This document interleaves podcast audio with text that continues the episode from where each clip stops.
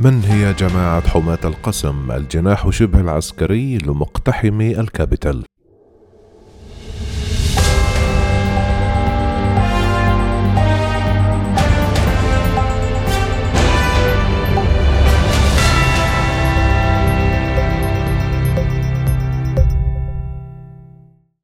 يبدو أن جماعة حماة القسم اليمينية المتطرفة الأمريكية هي واحدة من الميليشيات المناهضة للحكومة والغارقة حتى أذقانها في نظريات المؤامرة.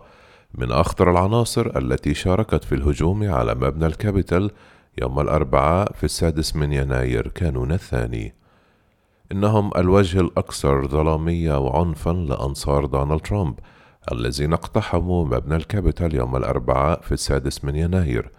وهم مجموعة من المتطرفين يفضلون ارتداء الملابس العسكرية والخوذات القتالية بدلا من الملابس الفلكلورية التي يرتديها بعض المشاغبين. إنها جماعة حماة القسم. يكتسب دورهم في نهب معقل الديمقراطية الأمريكية أهمية كبيرة مع تكشف بعض الحقائق عن استعداداتهم للهجوم وتصميم هؤلاء المقاتلين شبه العسكريين على إلحاق الخراب بذلك المعقل. أكبر حركة مناهضة للحكومة في الولايات المتحدة.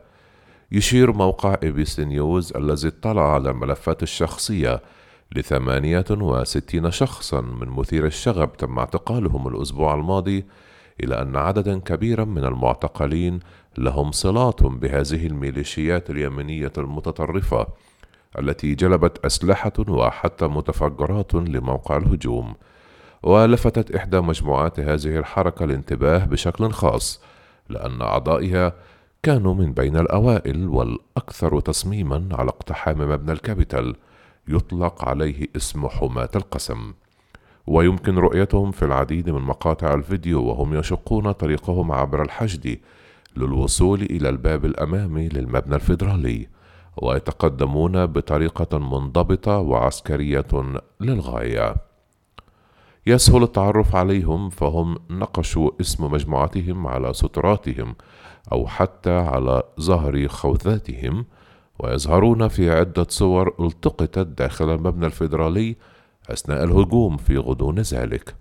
فضل زعيمهم ستيوارت رودس البقاء في الخارج لتحفيز الحشود ودعوتهم إلى إيقاف المسؤولين المنتخبين عن التصويت على المصادقة على فوز المرشح الديمقراطي جو بايدن بالرئاسة.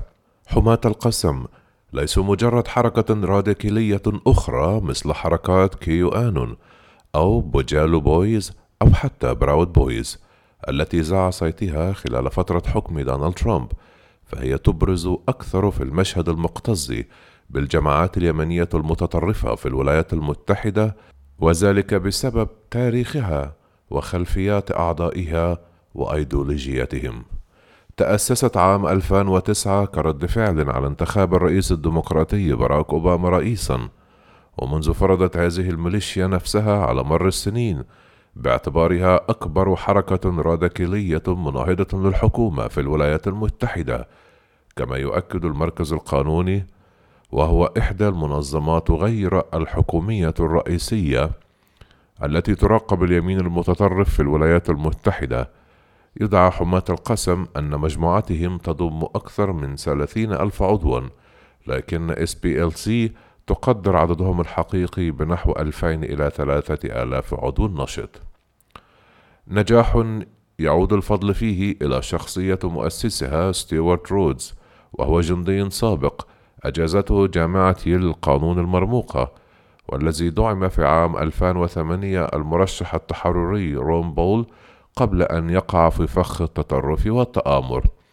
هذا المتعصب لحمل السلاح الذي فقد إحدى عينيه في التسعينيات عندما كان يعبث بمسدس رأى في منظمته ملاذا لأفراد إنقاذ القانون المحبطين لعدم قدرتهم على الدفاع علانية عن أيديولوجيتهم المتطرفة داخل المؤسسات.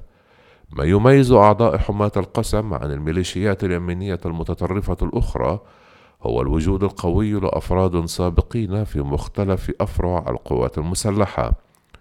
كما تلخص صحيفة زي أتلانتيك في دراسة استقصائية خصصت لهذه الحركة نشرت في نوفمبر تشرين الثاني من عام 2020 تضم المجموعة بين أعضائها ضباطا من الشرطة وحرس الحدود وعميل واحد على الأقل من الخدمة السرية وعدة أعضاء من السوات قوة التدخل السريع للشرطة.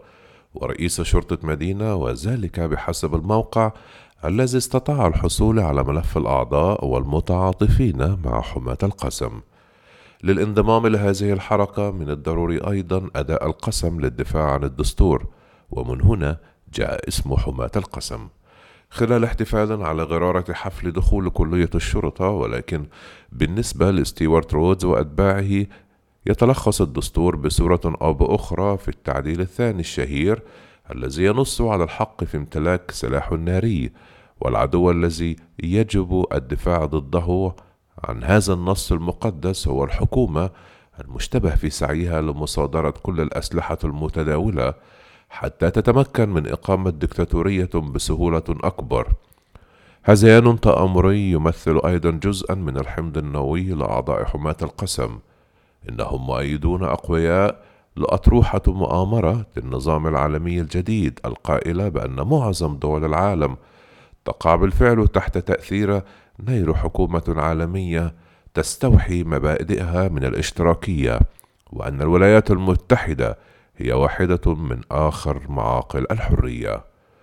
وضع حماة القسم مبادئهم تلك موضوع التنفيذ في العديد من المناسبات اعتبارا من عام 2013 ويتلخص تخصصهم في القدوم بأعداد كبيرة أثناء الكوارث الطبيعية أو الاضطرابات الاجتماعية لمساعدة السكان أو حماية الأعمال التجارية بحجة إذ لا ينبغي الوثوق بالسلطات خلال أعمال الشغب التي اندلعت بفرجستون بعد مقتل صبي أسود على يد ضابط شرطة في عام 2014 احتلوا مركز الصدارة في وسائل الإعلام وطافت العالم صور عناصر الميليشيات هذه وهم يحملون أسلحة على أسطح المباني في المدينة ويهددون بإطلاق النار على المتظاهرين.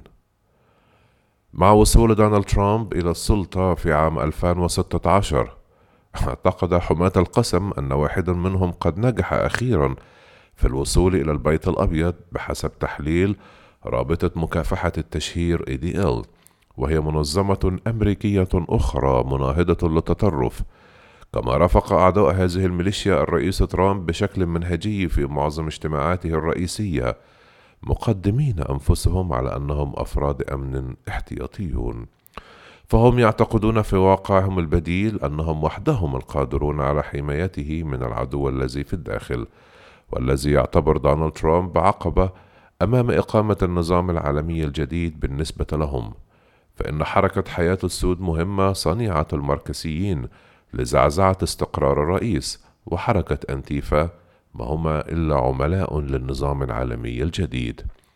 لا عجب في مثل هذه الظروف أن يكون حماة القسم من بين أسرع الناس الذين أرادوا اقتحام مبنى الكابيتال في عام 2016 كان ستيوارت رودز قد أشار بالفعل إلى أن حركته مستعدة للمشاركة في حرب أهلية ثانية.